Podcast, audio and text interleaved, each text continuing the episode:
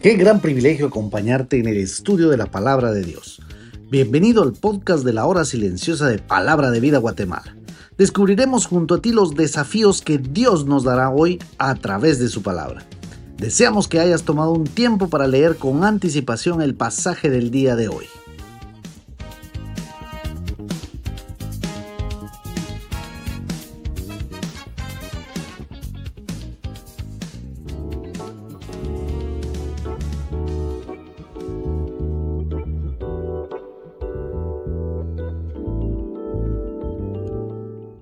Estoy seguro que el Señor te ha estado bendiciendo de muchas maneras en este tiempo.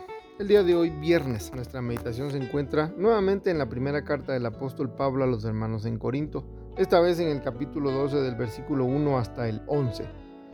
Hace algunos días recordábamos el hecho de que Pablo ha escrito más de dos cartas a los hermanos en Corinto. Consideremos que hubo una carta previa a esta que llamamos Primera Corintios. Consideremos también que la iglesia de Corinto tenía un fuerte conflicto interno por la enorme influencia pagana.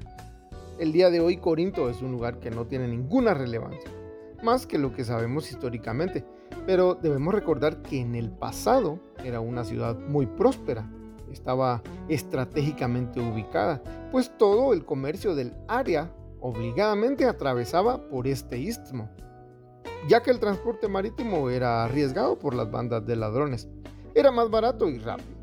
Entendiendo esto, es lógico pensar que la influencia pagana era realmente fuerte.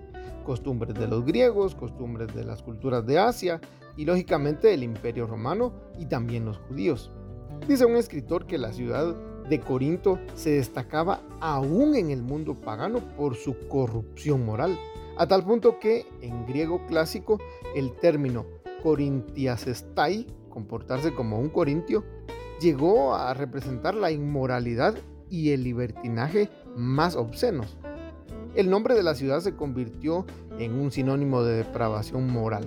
Para comprenderlo, el apóstol menciona algunos de los pecados en ese tiempo muy comunes en el capítulo 6 de esta carta y en el capítulo 5 también describe el extremo de la condición de la iglesia diciendo que ni aún entre los gentiles se veían ciertas conductas.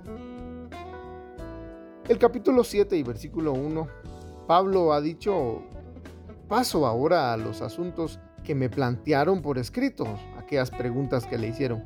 Y desde este capítulo 12 hasta el 14 cambió de temática para dar respuesta a las preguntas acerca del Espíritu Santo, su obra y los dones espirituales. ¿Podrían imaginarse entonces la confusión, el desorden y los abusos de la iglesia de Corinto? Un comentarista escribe que los corintios habían pervertido casi cualquier cosa, incluso el uso, propósito y la naturaleza de los dones espirituales. Esto es producto de sus conductas aprendidas en el paganismo. Pablo, ¿qué es un don? ¿Cuántos dones hay? Pablo, ¿cuántos dones tiene cada cristiano? Todos los dones son para un tiempo específico. ¿Qué es el bautismo? Y seguramente algunas otras preguntas más. La vida vieja estaba contaminando la vida nueva. Ya que preguntaron, no quiero que ignoréis acerca de los dones espirituales. Leamos en la nueva traducción viviente. Ahora, amados hermanos, con respecto a la pregunta de las capacidades especiales que el Espíritu nos da, no quiero que malentiendan también este tema. Es decir, ya sabemos que ustedes abusaron de la cena del Señor. Ahora hablemos del abuso de las capacidades especiales que el Espíritu nos da. Esta es una de las formas más correctas de traducirlo. El escritor establece un contraste con las cosas que son carnales y las espirituales. Cuando leemos el versículo 3, el apóstol considera que hay personas entre los hermanos que siguen la corriente judía, que reiteraba que Jesús fue anatema al ser colgado en un madero. Consideremos también que aquellos que solamente seguían sus prácticas porque eran fantásticas, llamativas, que entre más atractivas y más extravagantes eran más aceptadas y respetadas, aunque fueran contrarias a lo que dijo el mismo Jesucristo en Juan 15 y 16. Él dará testimonio de mí. Él me glorificará porque tomará de lo mío y os lo hará saber. Entendemos que si con estas prácticas no se maldice, pero expresan pensamiento humano y no apuntando a Cristo, no apuntan a representar a Jesús, es un indicador de su falsedad. Hay distintas clases de dones espirituales, pero el mismo espíritu es la fuente de ellos. Hay distintas formas de servir, pero todos servimos al mismo Señor. Dios trabaja de maneras diferentes, pero es el mismo Dios que hace la obra en todos nosotros.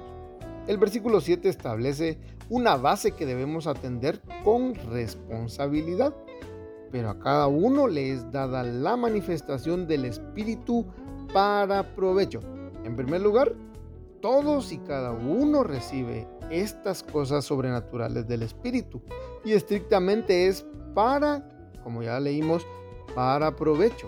En otras versiones dice para el bien de los demás o para que nos ayudemos mutuamente. ¿Cumple esta función tu don espiritual o es solo para tu beneficio porque nadie más que tú está recibiendo algún beneficio? O peor aún, tu don está guardado en casa y no ayuda a nadie porque la excusa es que todos en la iglesia son hipócritas. Ahora lea conmigo, a todos nos dio palabra de sabiduría, a todos nos dio palabra de ciencia según el mismo espíritu.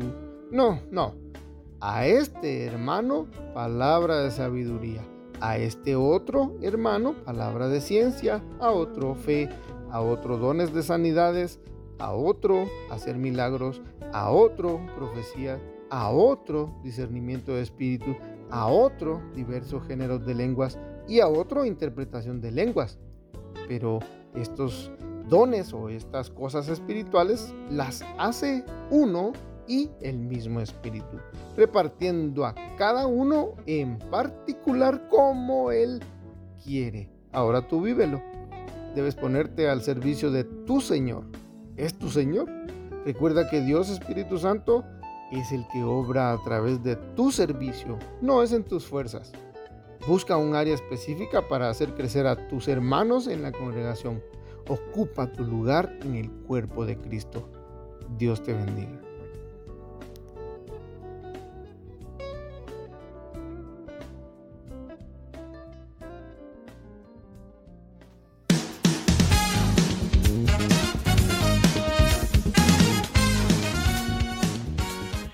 Es emocionante saber los tesoros que Dios tiene en su palabra para nosotros. Ayuda a tus amigos a que descubran la voluntad de Dios para su vida. Comparte este podcast con ellos. No olvides seguirnos en nuestras redes sociales.